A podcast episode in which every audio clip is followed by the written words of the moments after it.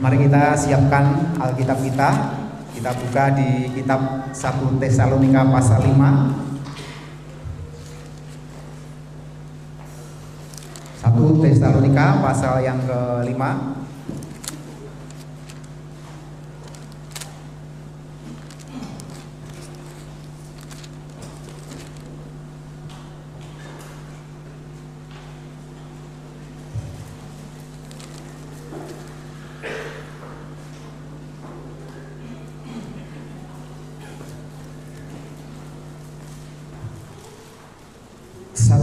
Tesalonika pasal yang ke-5 ayat 18 ayat yang sangat familiar di kalangan anak-anak Tuhan.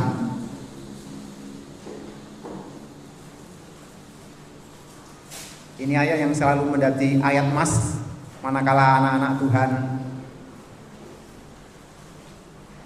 mengucap syukur atas segala berkat, atas segala karunia dalam hidupnya 1 Tesalonika 5 ayat 18. Kita baca tiga kali, lalu kita tutup dengan yes, yes, yes, itu semangat ya. Oke. 1 Tesalonika pasal 5 ayat 18. 1 3 mengucap syukurlah dalam segala hal sebab itulah yang dikehendaki Allah di dalam Kristus Yesus bagi kamu. Lagi mengucap syukurlah dalam segala hal sebab itulah yang dikehendaki Allah di dalam Kristus Yesus bagi kamu. Mengucap syukurlah dalam segala hal sebab itulah yang dikehendaki Allah di dalam Kristus Yesus bagi kamu. Yes yes yes. Puji Tuhan berbahagia yang merenungkan firman Tuhan dan menjadi pelaku-pelaku firman. Bapak Ibu Saudara terkasih dalam Tuhan, yang namanya umat Kristen di mana pun, itu pasti ada yang namanya Kristen itu masih duniawi, Kristen masih anak-anak, dan juga pastinya ada Kristen yang sudah dewasa rohani. Nah, saya mau mengaitkan ucapan syukur ini, saudaraku, dengan kehidupan orang Kristen yang sudah dewasa rohani. Karena kalau Kristen sudah dewasa rohani, pasti ucapan syukurnya berkenan di hadapan Tuhan. Itu sudah pasti. Karena orang tersebut dewasa rohani. Bagaimana sih ucapan syukur orang Kristen yang sudah dewasa rohani? Perhatikan baik-baik firman Tuhan hari ini berkata seperti ini. Mengucap syukurlah dalam segala hal. Itu sebab eh, sebab itulah yang dikendaki Allah di dalam Kristus Yesus bagi kamu. Orang yang dewasa rohani itu pasti yakin bahwa ucapan syukur itu adalah kehendak Allah. Jadi dia mengucap syukur berangkat dari suatu keyakinan Allah menghendaki saya mengucap syukur. Jikalau kita bersyukur tidak dilandasi, tidak berangkat dari sikap hati yang sadar bahwa Allah menghendaki kita bersyukur, berarti kita belum dewasa rohani. Karena ucapan syukur itu adalah kehendak Tuhan. Tapi sayangnya banyak umat Kristen bahkan sudah puluhan tahun belum memahami kalau Tuhan itu menghendaki anak-anaknya itu mengucap syukur. Jika tanpa landasan ini, keyakinan bahwa Tuhan menghendaki kita mengucap syukur, maka ucapan syukur yang dia jalankan, yang dia lakukan, ucapan syukur yang dia panjatkan, baik itu melalui kata-kata ataupun melalui tindakan, pasti kurang berkenan, bahkan bisa jadi tidak berkenan. Karena orang yang belum dewasa rohani ucapan syukurnya pasti asal-asalan. Karena landasannya tidak benar. Atau bahkan bisa jadi ucapan syukurnya dengan cara-cara yang salah. Kelihatannya mengucap syukur, tetapi dia salah. Apa ada ucapan syukur yang salah? Kira-kira ada enggak? Banyak. Karena suatu saat teman saya pendeta di Solo itu suatu saat diundang ucapan syukur Natalan, perayaan Natal oleh seorang romo. Ketika acara mulai itu Pak Pendeta bingung. Itu Pak Pak Romonya itu, mari Pak Pendeta, mari Pak Pendeta silahkan. Kita bersuka cita, kita bersyukur gitu.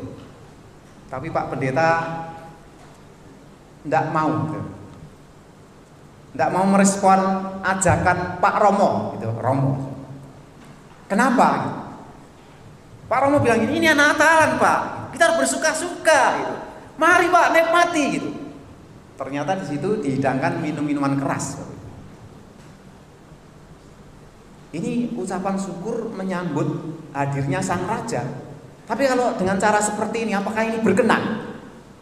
Pak pendeta, oh maaf Pak, oh, maaf Romo saya belum pernah minum. Sediakan saja air putih. Dan kisah seperti itu bukan hanya terjadi dialami oleh teman saya di Solo itu. Seringkali saya juga mendengar gitu. Malam tutup tahun, anak-anak Tuhan. Bahkan di Salatiga itu anak gembala sidang. Bapaknya memimpin ibadah malam tutup tahun ini anak Pak Gembel, anak Pak Gembala di Salatiga, saudaraku. Mimpin ibadah sendiri, mabuk-mabuk. Karo konco nih, ini anak gembala sidang. Ini kan kita harus bersuka-suka gitu. Mari kita lihat ucapan syukur kelihatannya benar tapi salah. Yang menandakan dia belum dewasa rohani bahkan ini Kristen duniawi. Kalau di Alkitab jelas itu Lukas pasal 18. Coba kita lihat di Lukas pasal 18. Orang nggak sadar kalau ucapan syukur itu kehendak Allah. Sehingga asal-asalan gitu. Coba kita lihat Lukas pasal 18 ayat 9. Mulai ayat 9. Lukas 18 ayat 9 sampai 14. Kita baca sama-sama ya. Yang bawa Alkitab atau bisa lihat di tulisan sorot dan kepada beberapa orang. Satu tiga. Dan kepada beberapa orang yang menganggap dirinya benar dan memandang semua orang lain Yesus mengatakan perumpamaan ada dua orang pergi ke bait Allah untuk berdoa yang seorang adalah Parisi dan yang lain pemungut cukai. Orang Parisi itu berdiri dan berdoa dalam hatinya begini, Ya Allah, aku mengucap syukur kepadamu. Perhatikan baik-baik. Ini seorang Parisi berdoa apa? Mengucap syukur. Ya Allah, eh terus, Ya Allah, aku mengucap syukur kepadamu karena aku tidak sama seperti semua orang lain bukan perampok, bukan orang lalim, bukan pezina, dan bukan juga seperti pemungut cukai ini. Aku berpuasa dua kali seminggu. Aku memberikan persepuluhan dari segala penghasilanku. Tetapi pemungut cukai itu berdiri jauh-jauh, bahkan ia tidak berani mengadah ke langit, melainkan ia memukul diri dan berkata, Ya Allah, kasihanilah aku orang berdosa ini. Aku berkata kepadamu, orang ini pulang ke rumahnya sebagai orang yang dibenarkan Allah dan orang lain itu tidak sebab barang siapa meninggikan diri ia akan direndahkan dan barang siapa merendahkan diri ia akan ditinggikan. Bapak Ibu Saudara terkasih di dalam Tuhan Yesus, Inilah ucapan syukur orang Kristen yang masih duniawi, yang tidak sadar ucapan syukur itu adalah kehendak Allah. Firman Allah mengajarkan anak-anaknya untuk senantiasa menaikkan pujian syukur.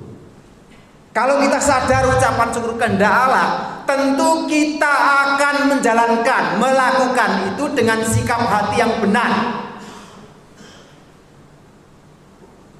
Kalau sikap hatinya benar, tentu tindakannya, cara-caranya juga pasti benar. Dan itu hanya mampu dilakukan orang Kristen yang sudah dewasa rohani. Jadi kalau belum dewasa rohani, ucapan syukurnya tidak akan berkenan. Kelihatannya si orang Parisi ini, aku mengucap syukur kepadamu ya Allah gitu. Tapi sebenarnya dia tidak sedang mengucap syukur gitu. Dia sedang pamer. Pamer apa? Pamer tentang keberhasilan di dalam menjalankan hukum keagamaan pamer tentang prestasi-prestasi rohani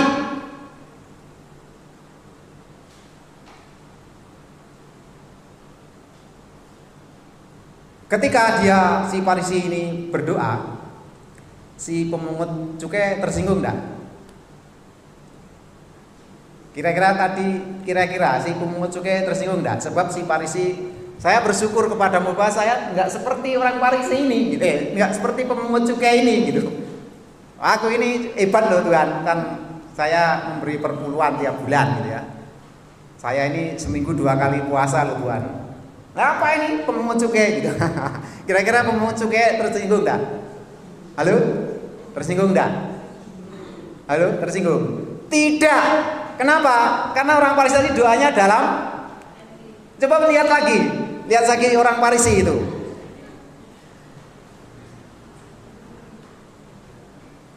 Ayat yang berapa itu? Ya Allah aku bersyukur. Oke. Ayat berapa? Boleh ayat ayat 9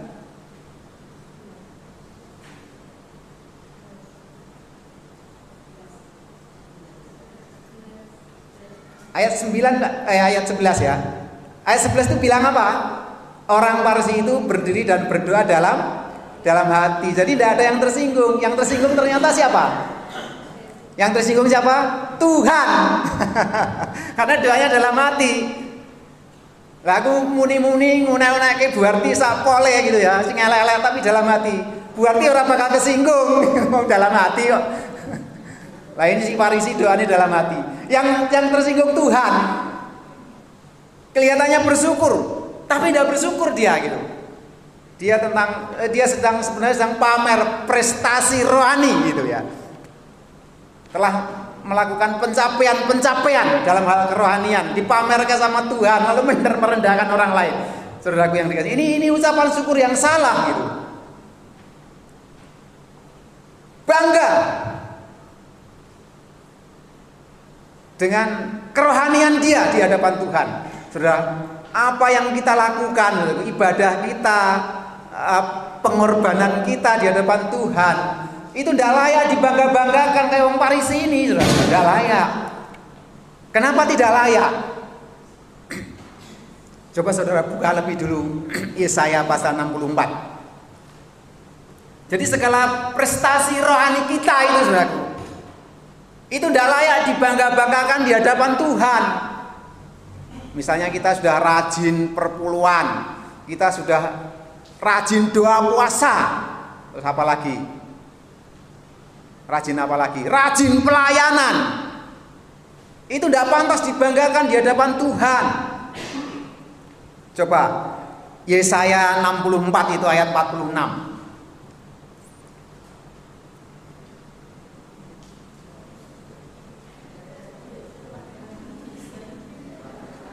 Yesaya 64 ayat ayat 6 maksud saya. Ya benar ya. Ayat 6. Coba dibaca Sama-sama. Yang kenceng ya. Satu, tiga. Demikianlah kami sekalian seperti seorang najis dan segala kesalahan kami seperti kain kotor. Kami sekalian menjadi layu seperti daun dan kami lenyap oleh kejahatan kami seperti daun dilenyapkan oleh angin. Yang percaya katakan amin. Segala kesalehan kami. Kata segala kesalahan kami, kehidupan kita yang saleh, yang banyak berdoa, banyak penyembahan, banyak nyanyi, banyak baca Alkitab, banyak memberi persembahan, banyak doa pagi, setia dalam PWK, setia dalam ibadah KPK, setia ikut persekutuan pemuda dan lain sebagainya. Kita banyak berbuat amal saleh, nyumbang sana, nyumbang sini. Di hadapan Tuhan seperti apa kesalehan kita? Seperti kain kotor. Bahkan juga diumpamakan segala kesalahan kita itu ibarat daun kering yang ditiup angin. Artinya di hadapan Tuhan itu begitu ringan. Tidak ada artinya apa-apa Karena itu segala kesalahan kita itu jangan dibangga-banggakan Oleh sebab itu kalau kita datang kepada Tuhan harus dengan kerendahan hati kita Kita ini orang yang gak layak Meskipun persembahan saudara itu terbesar, terbanyak, termahal di sini, jangan dibangga-banggakan. Itu seperti kain kotor di hadapan Tuhan. Kalau di hadapan kita-kita sih wah luar biasa itu ya. Misalnya panjenengan urunan Natal 90 juta gitu ya. Cukup Pak.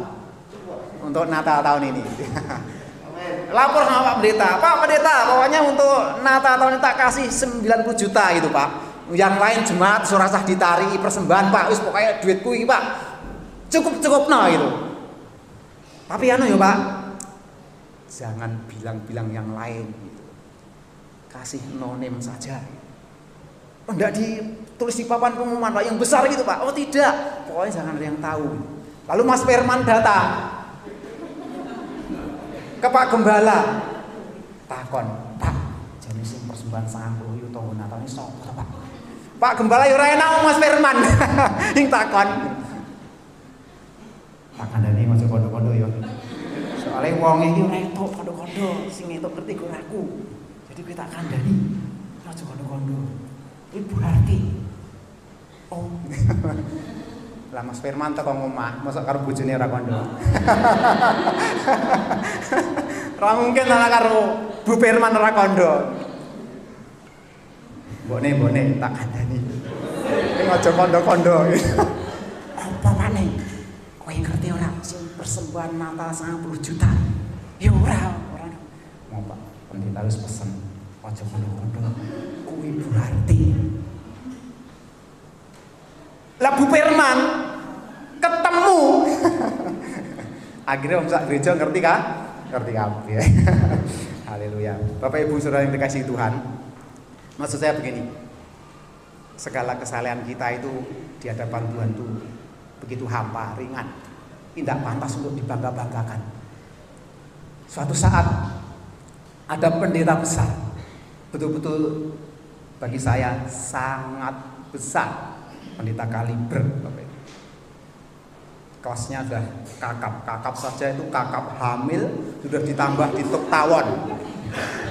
Ya, jadi betul-betul kesaksian begini. Soalnya aku kerungu ya, bukan dari YouTube langsung.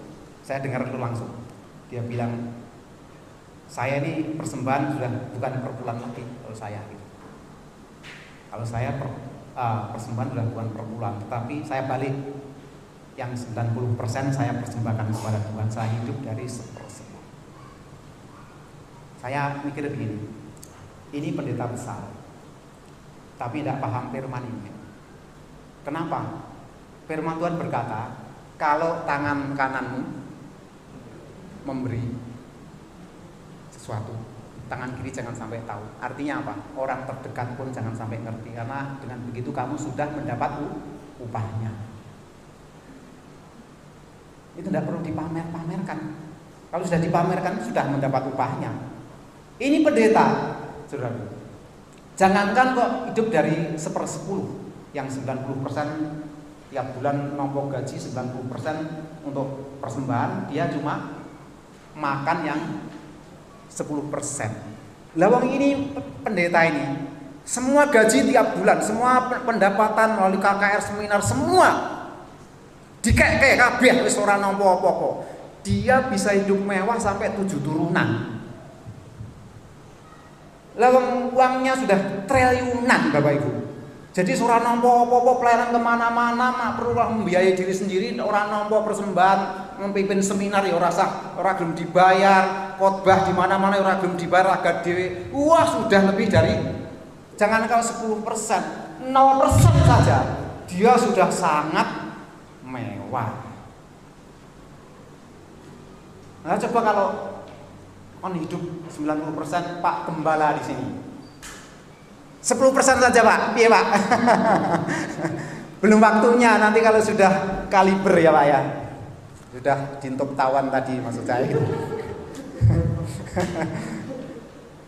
itu tidak perlu dipamer-pamer kayak gitu dipamer-pamerkan. Malah diguyu toh. Yang guyu tetap salah satunya saya. Haleluya. Itu ucapan syukur yang Tuhan tidak berkenan gitu. Orang dewasa rohani itu harus berangkat dari suatu keyakinan bahwa ucapan syukur itu adalah kehendak Allah. Itu firman Allah mengajarkan seperti itu. Sehingga ketika dia melakukannya itu pasti dengan sikap hati dan cara yang benar di hadapan Tuhan. Yang kedua, orang dewasa rohani itu mengucap syukurnya harus dan hanya kepada Tuhan. Kalau tadi sadar itu kehendak Tuhan, yang kedua ucapan syukur itu harus dan hanya kepada Tuhan. Pertanyaan gini, apa ada Pak orang mengucap syukur tidak kepada Tuhan? Ada enggak? Banyak. Banyak kok pengusaha sukses ucapan syukurnya ke mana? Tonggomu ini loh, yang. Ya itu kan kepada berhala. Tapi ada lagi orang yang mengucap syukur orang Kristen ini mengucap syukurnya kepada bukan kepada Tuhan juga bukan kepada berhala tetapi kepada dirinya sendiri. Tapi dia nggak sadar. Coba kita kita lihat dulu sih ayatnya. 2 Tesalonika 1 2 Tesalonika 1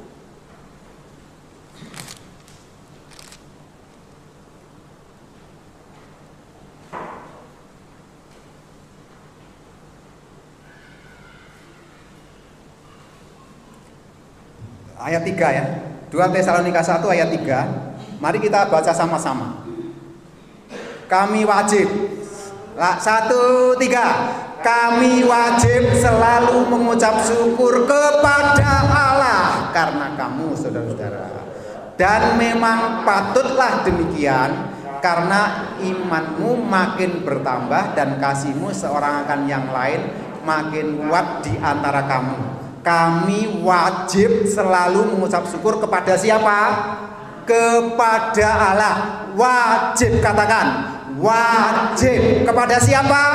Kepada Allah. Jadi ucapan syukur yang benar itu harus dan hanya ditujukan kepada Allah. Wajib. Satu lagi, 2 Tesalonika 2 ayat 13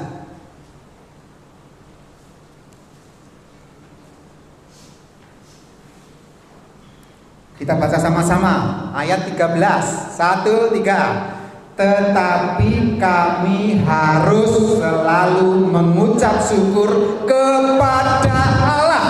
Karena kamu saudara-saudara yang dikasih Tuhan. Sebab Allah dari mulanya telah memilih kamu untuk diselamatkan dalam roh yang menguduskan kamu dan dalam kebenaran yang kamu percayai. Akan tetapi kami harus kalau tadi wajib selalu mengucap syukur kepada Allah. Bagaimana ini contohnya orang yang mengucap syukur bukan kepada berhala, bukan kepada kuburan, bukan kepada patung-patung, bukan kepada kelenteng, bukan kepada yang lain-lain, Tetapi bagaimana sih mengucap syukur kepada diri sendiri itu? Contohnya begini. Wah, nanti kalau anak saya bisa keturutan diterima jadi pegawai tetap di BUMN pusat ada di Jakarta sana saya mau ajak istri anak-anak saya semua piknik nyang Singapura. Itu ucapan syukur untuk Tuhan atau untuk diri sendiri? Halo? Itu untuk diri sendiri. Itu ucapan syukur kepada diri sendiri. Oh nanti kalau saya benar-benar melamar pekerjaan diangkat jadi pegawai negeri, saya akan ngajak keluarga piknik neng Bali. Ini ucapan syukur ditujukan kepada diri sendiri, saudaraku. Kecuali kalau begini, saya nanti kalau anak saya atau saya sendiri diterima jadi pegawai negeri, saya mau membiayai jemaat semua yang kurang mampu untuk tak piknik ke neng Bali gratis. Orang iso mangkat pisan ya nanti per satu bulan berapa orang per satu bulan sampai semuanya tak piknik kabeh lah itu baru namanya betul-betul Tuhan dipermuliakan. Tapi nak mangkat dewi kan dinikmati sendiri kan. Ada lagi nanti kalau saya benar-benar diangkat jadi bupati, saya akan dangdutan nanggap inul daratista. Itu ucapan syukur kepada siapa? Kepada diri sendiri. Pak Gembala Inul Daratista. Meluk goyang ngebor. Itu bukan untuk Tuhan. Bukan untuk berhala. Tapi benar-benar untuk diri sendiri itu saudara. Hanya menyenangkan diri sendiri itu bukan ucapan syukur orang yang dewasa rohani. Orang yang dewasa rohani itu kalau ucapan syukur dalam bentuk pemberian pure orang lain yang menikmati bukan dirinya bukan dirinya kita wahyu coba kita buka kita wahyu pasal 7 ayat 12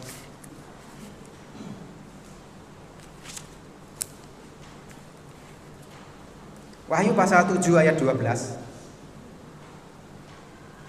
Kita baca sama-sama ya Semua bersuara Yakin kalau Tuhan sedang berbicara buat kita pribadi lepas pribadi. Satu, tiga. Sambil berkata, Amin. Puji, pujian, dan kemuliaan, dan hikmat, dan syukur, dan hormat, dan kekuasaan, dan kekuatan bagi Allah kita sampai selama-lamanya.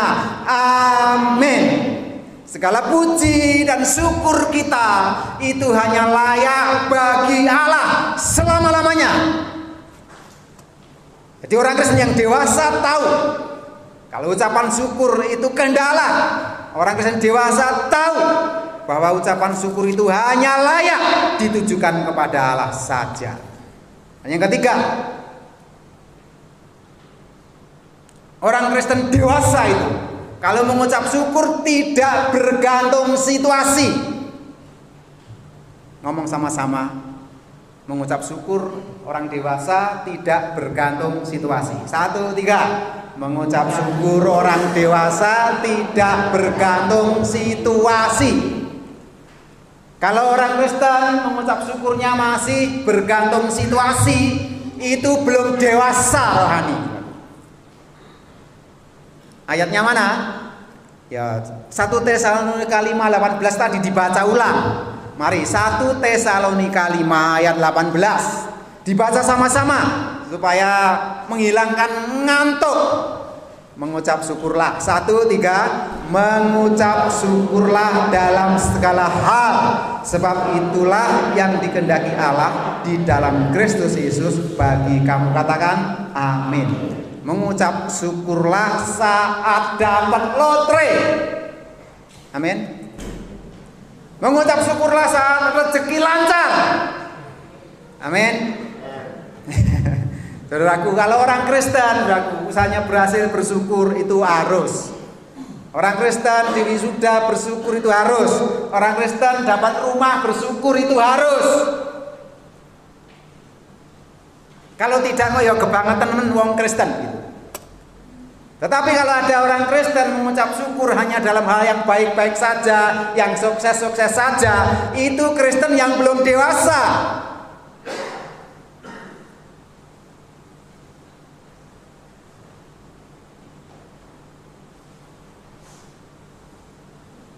Ucapan syukur model seperti itu yang bergantung situasi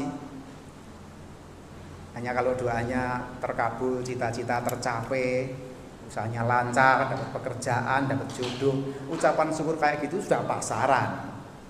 Bukan cuma orang Kristen, orang yang nggak Kristen pun melakukannya. Nah Tuhan tidak mau ucapan syukur yang model seperti itu. Itu Kristen yang belum dewasa. Orang Kristen yang sudah dewasa itu mengucap syukur dalam segala hal. Amin. Dalam segala hal. Kalau usahanya ternyata bangkrut, termasuk segala hal dah. Halo?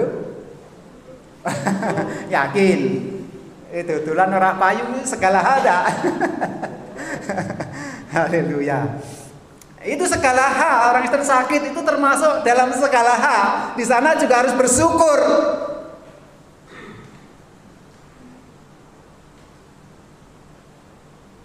Ya orang dewasa itu mampu bersyukur meskipun situasi tidak mendukung. Karena kecenderungan kita anak-anak Tuhan sekalipun itu kecenderungannya adalah bersungut-sungut. Diberkati Tuhan saja bersungut-sungut apalagi kalau kalau tidak. Yang bersungut-sungut itu biar kecewa saja itu ada sumutnya itu. Orang itu tidak boleh ada sumutnya, amin. ya, harus mengucap syukur dalam segala keadaan. Ada masalah atau tidak, ada problem atau tidak. Bahkan sedang menderita dalam menghadapi banyak masalah sekalipun. Orang Kristen dewasa itu mampu untuk bersyukur. Sebab orang yang tidak bisa bersyukur itu akan kena damprat dari Tuhan, Percaya tidak? Akan dikepret sama Tuhan kalau orang Kristen tidak, tidak tahu bersyukur itu. Bersyukurnya hanya bergantung situasi. Kalau tidak percaya, yuk kita buka Yudas. Yudas, kitab Yudas ya. Kitab Yudas pasal 2 ayat 14. Udah ketemu? Kitab Yudas pasal 2 ayat 14 sampai ayat 16. Udah ketemu? Kita baca sama-sama ya. Yudas pasal yang kedua yang HP-nya ada Alkitabnya atau bawa Alkitab. Nah, ini yang di Alkitab. Yudas Pak itu sebelum kita Wahyu ya. Belakang. Oke, pasal 2 ayat yang ke-14. Saya minta tolong salah seorang baca. Berdiri. Pasal 2 ayat 14. Yudas. Enggak ada yang berdiri ini. Kenapa? Ya? oh ya cuma satu pasal. Berarti pasal satu, pasal satu pasal satu. Kalau gitu kita baca sama-sama. Sengaja saya. Yudas pasal 1 ayat 14 mulai ya. Juga tentang mereka Henoh. Satu tiga Juga tentang mereka Henoh Keturunan ketujuh dari Adam telah bernubuat katanya Sesungguhnya Tuhan datang dengan beribu-ribu orang kudusnya. Terus? Ayat terus selanjutnya.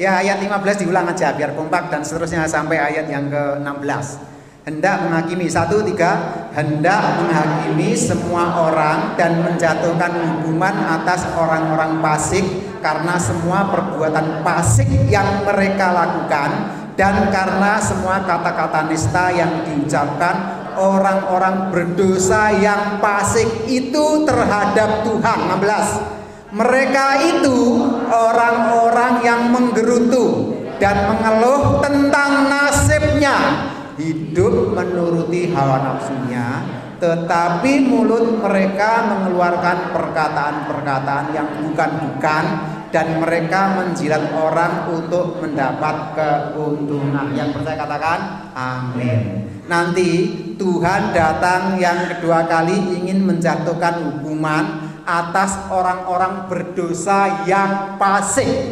Amin. Amin. Amin atau amin? Tuhan nanti akan datang untuk menjatuhkan hukuman atas orang-orang berdosa yang fasik. Ayat 15. Nah, orang-orang berdosa yang fasik itu di antaranya adalah ayat 16 dikatakan Ya, ayat 16 Di antaranya adalah Orang-orang yang mengeluh Menggerutu, mengeluh tentang nasibnya Lalu yang lain orang-orang yang menuruti hawa dan sebagainya Nah, ternyata perhatikan baik-baik. Mengeluh, menggerutu, ngomel itu nampaknya tidak apa-apa. Ternyata di hadapan Tuhan apa-apa. Saya mau nanya, siapa yang belum pernah mengeluh? Elah, urip-urip nasibe kaya ngene yo. Itu mengeluh. Ternyata ucapan kayak begitu itu dinilai sebagai orang berdosa di hadapan Tuhan. Bangsa Israel dalam perjalanan dari Mesir ke tanah perjanjian itu banyak yang tewas di padang gurun karena apa? Mengeluh, tidak punya rasa syukur. Coba mujizat Tuhan itu luar biasa, pertolongan Tuhan luar biasa dalam hidup bangsa Israel, tapi tidak bisa melihat penyertaan Tuhan, kasih Tuhan dalam hidup mereka itu ngomel, menggerutu gitu. Hanya soal lauk pauk aja ngomel bangsa Israel gitu. Bapak-bapak nak lauk pauknya cuma kerupuk atau kecap ngomel dah. Kita bersyukur, itu berkat Tuhan.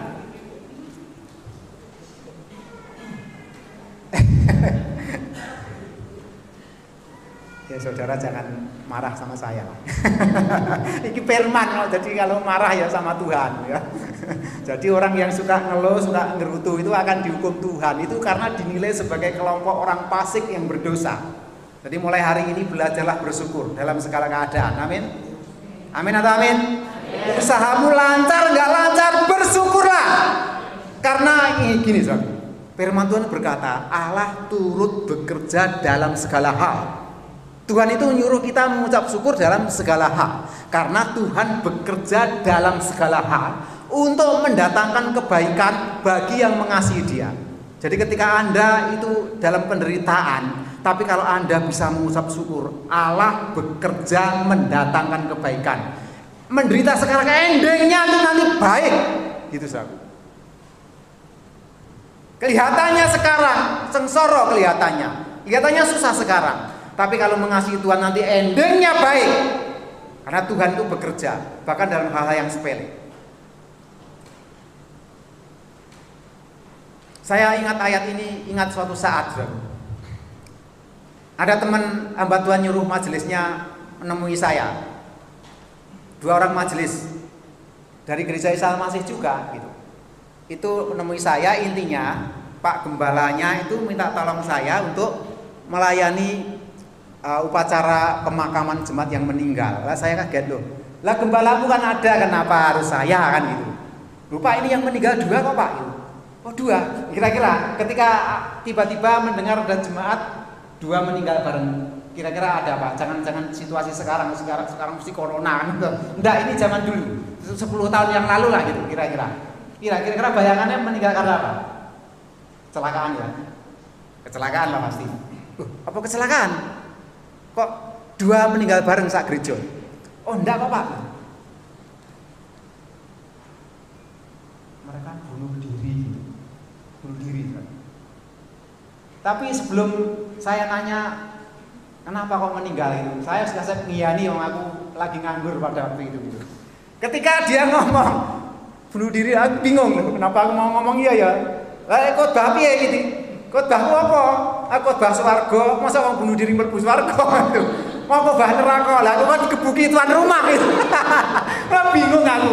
Tapi sekasem iya ngono. Wah repot itu. Jadi tamu itu masih ada di ruang tamu gitu, urung balik. Aku jadi mikir bingung khotbah apa iki. Begitu tamune anu, tamune lunga aku jam 11 itu acaranya. Aku ngalor gitu, nyetang mulon neng ruang tamu, Tuhan ku ayate gitu. Bingung saya. Lalu muncullah ayat Roma 8 ayat 28 Allah, Allah turut bekerja dalam segala sesuatu mendatangkan kebaikan. bagi yang mengasihi dia. Tentu saya tujukan kepada keluarga yang ditinggal karena sing wis mati namanya bunuh diri pasti pastilah neraka. Tapi aku orang ngomong soal neraka. Soal surga, surga bagi yang meninggal enggak aku bicara tentang keluarga yang ditinggalkan. Allah turut bekerja dalam segala sesuatu mendatangkan bagian bagi yang mengasihi dia. Asal keluarga yang ditinggalkan mengasihi dia. Tuhan punya maksud baik di balik semuanya itu. Itu aku damai sejahtera. Itu ayat bingung. Wah, nak orang bingung aku. Haleluya. Saudaraku, ucapan syukur itu tidak boleh bergantung situasi. Haleluya. Amin. Rezeki lancar, rezeki seret sekalipun anak Tuhan dewasa rohani pasti bisa mengucap syukur. Amin. Karena Allah bekerja dalam segala sesuatu. Jangan dikira kalau usaha bangkrut Tuhan tidak bekerja di sana. Tuhan bekerja di sana untuk mendatangkan kebaikan bagi yang mengasihi Dia. Kalau tidak mengasihi Dia, endingnya ya pasti tidak baik. Sekalipun awalnya baik, apalagi kalau awalnya tidak baik, tidak mengasihi Dia, endingnya tidak baik. Oh, kalau awalnya pun nampaknya gak baik, asal mengasihi Dia, endingnya baik. Maksudnya begitu. Tapi sekalipun awalnya kelihatannya baik, kelihatannya sukses, kelihatannya berhasil, Ria kelihatannya aman-aman saja. Kalau tidak mengasihi Tuhan, endingnya tidak baik.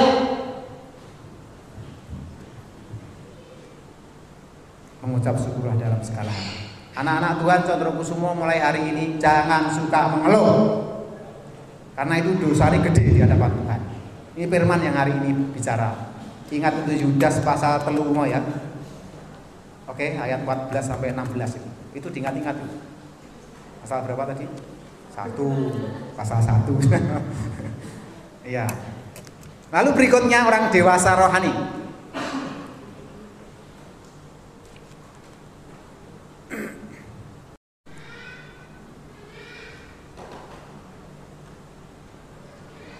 Mengucap syukur dengan alasan yang tepat. 2 Tesalonika 2 13 2 Tesalonika 2 ayat 13 Orang Kristen dewasa itu ucapan syukurnya itu alasannya tepat. Alasannya sangat tepat. 2 Tesalonika pasal 2 ayat 13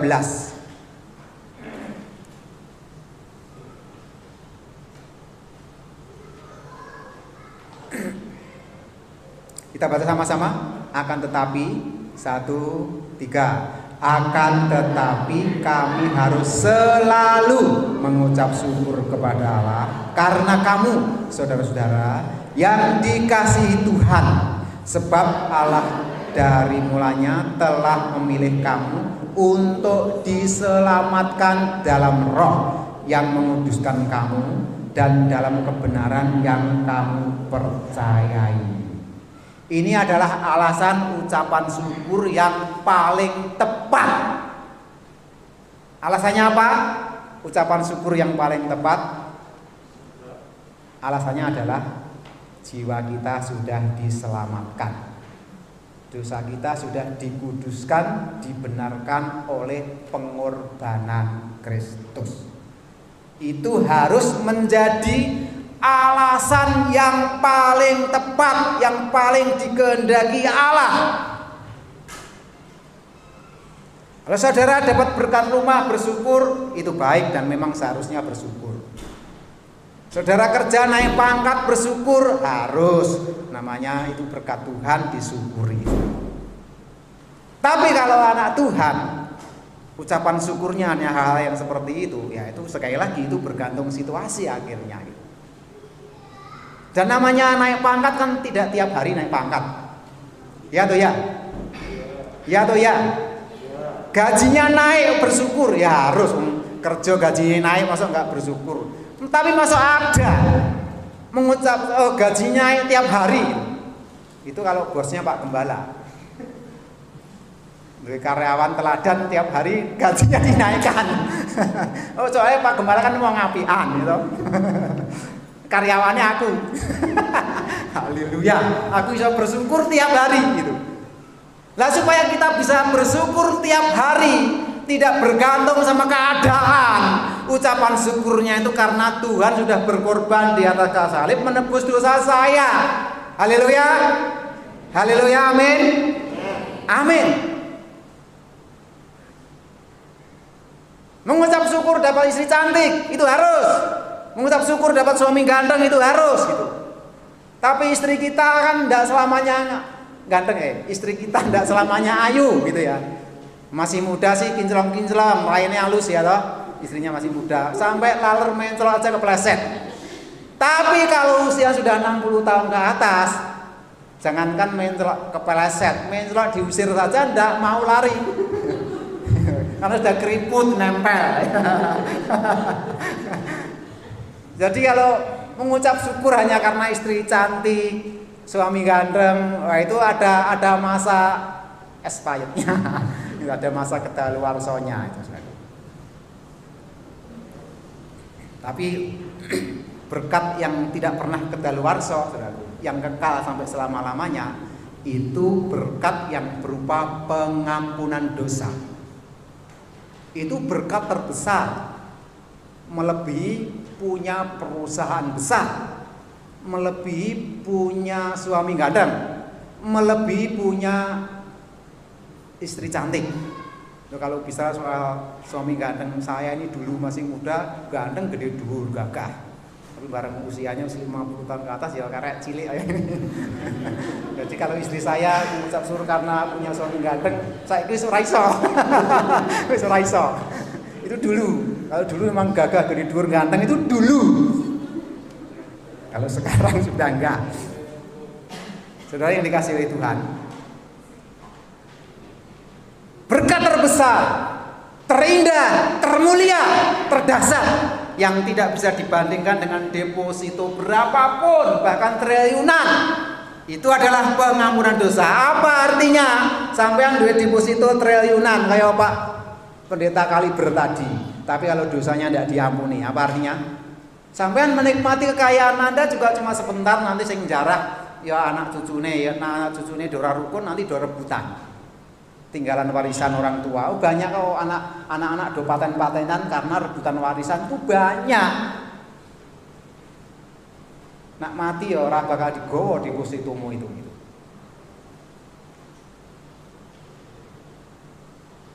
Punya jabatan tinggi, tidak ada artinya apa-apa jika dibanding dengan pengampunan dosa. Berkat terbesar itu pengampunan dosa. Apa artinya cepat punya jabatan tinggi, tapi kalau dosanya tidak diampuni, mati ya masuk neraka. Toh Anda juga hanya bisa menikmati jabatan tinggi itu sebentar. Hanya bisa menikmati kekayaan sebentar. Manusia umurnya kira tahu Bapak Ibu paling tua. Kita berkata rata-rata 70 tahun. Itu rata-rata. Jadi sampean saya umure piro karek ngitung. ya kekayaan yang berlimpah ya hanya kamu nikmati sampai nanti lah paling 80 tahun. Lalu udah 80 tahun terus ora iso nikmati sepenuhnya, udah tidak bisa, Saudaraku. Berkat terbesar itu biar bagaimanapun juga pengampunan dosa, pengorbanan Kristus. Nah kalau saudara bisa menyadari itu, bisa bersyukur setiap saat. Yang dimau Tuhan itu bersyukur setiap saat. Dalam segala keadaan. Amin. Nah orang Kristen dewasa ada empat lah. Ini sudah sudah selesai kok banyak. Tapi tolong empat hal itu apa? Orang Kristen dewasa mengucap syukur itu yakin kalau ucapan syukur kehendak Allah. Amin. Amin. Kehendak kehendak Allah. Yang kedua apa? Apa yuk? Lupa?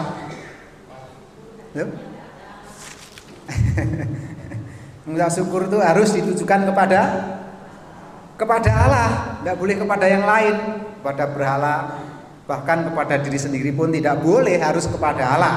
Yang ketiga apa? Orang Kristen dewasa itu mengucap syukur tidak bergantung situ situasi. Yang keempat, ucapan syukur yang benar itu gimana? Dengan alasan yang te alasan yang tepat. Itu ucapan syukur orang dewasa. Alasannya harus tepat. Karena kasih Tuhan yang begitu besar, yaitu pengorbanan. Jadi duwe deposito triliunan itu bukan berkat yang begitu besar. Bukan. Berkat begitu besar tuh pengorbanan putranya yang tunggal buat kita semua. Amin saudaraku. Haleluya. Loh, Pak Abad. Yakin? Berkat terbesar pengorbanan Kristus? Amin. Katakan yes, yes, yes. Satu tiga. Yes, yes, yes. Puji Tuhan. Kita berdiri sama-sama.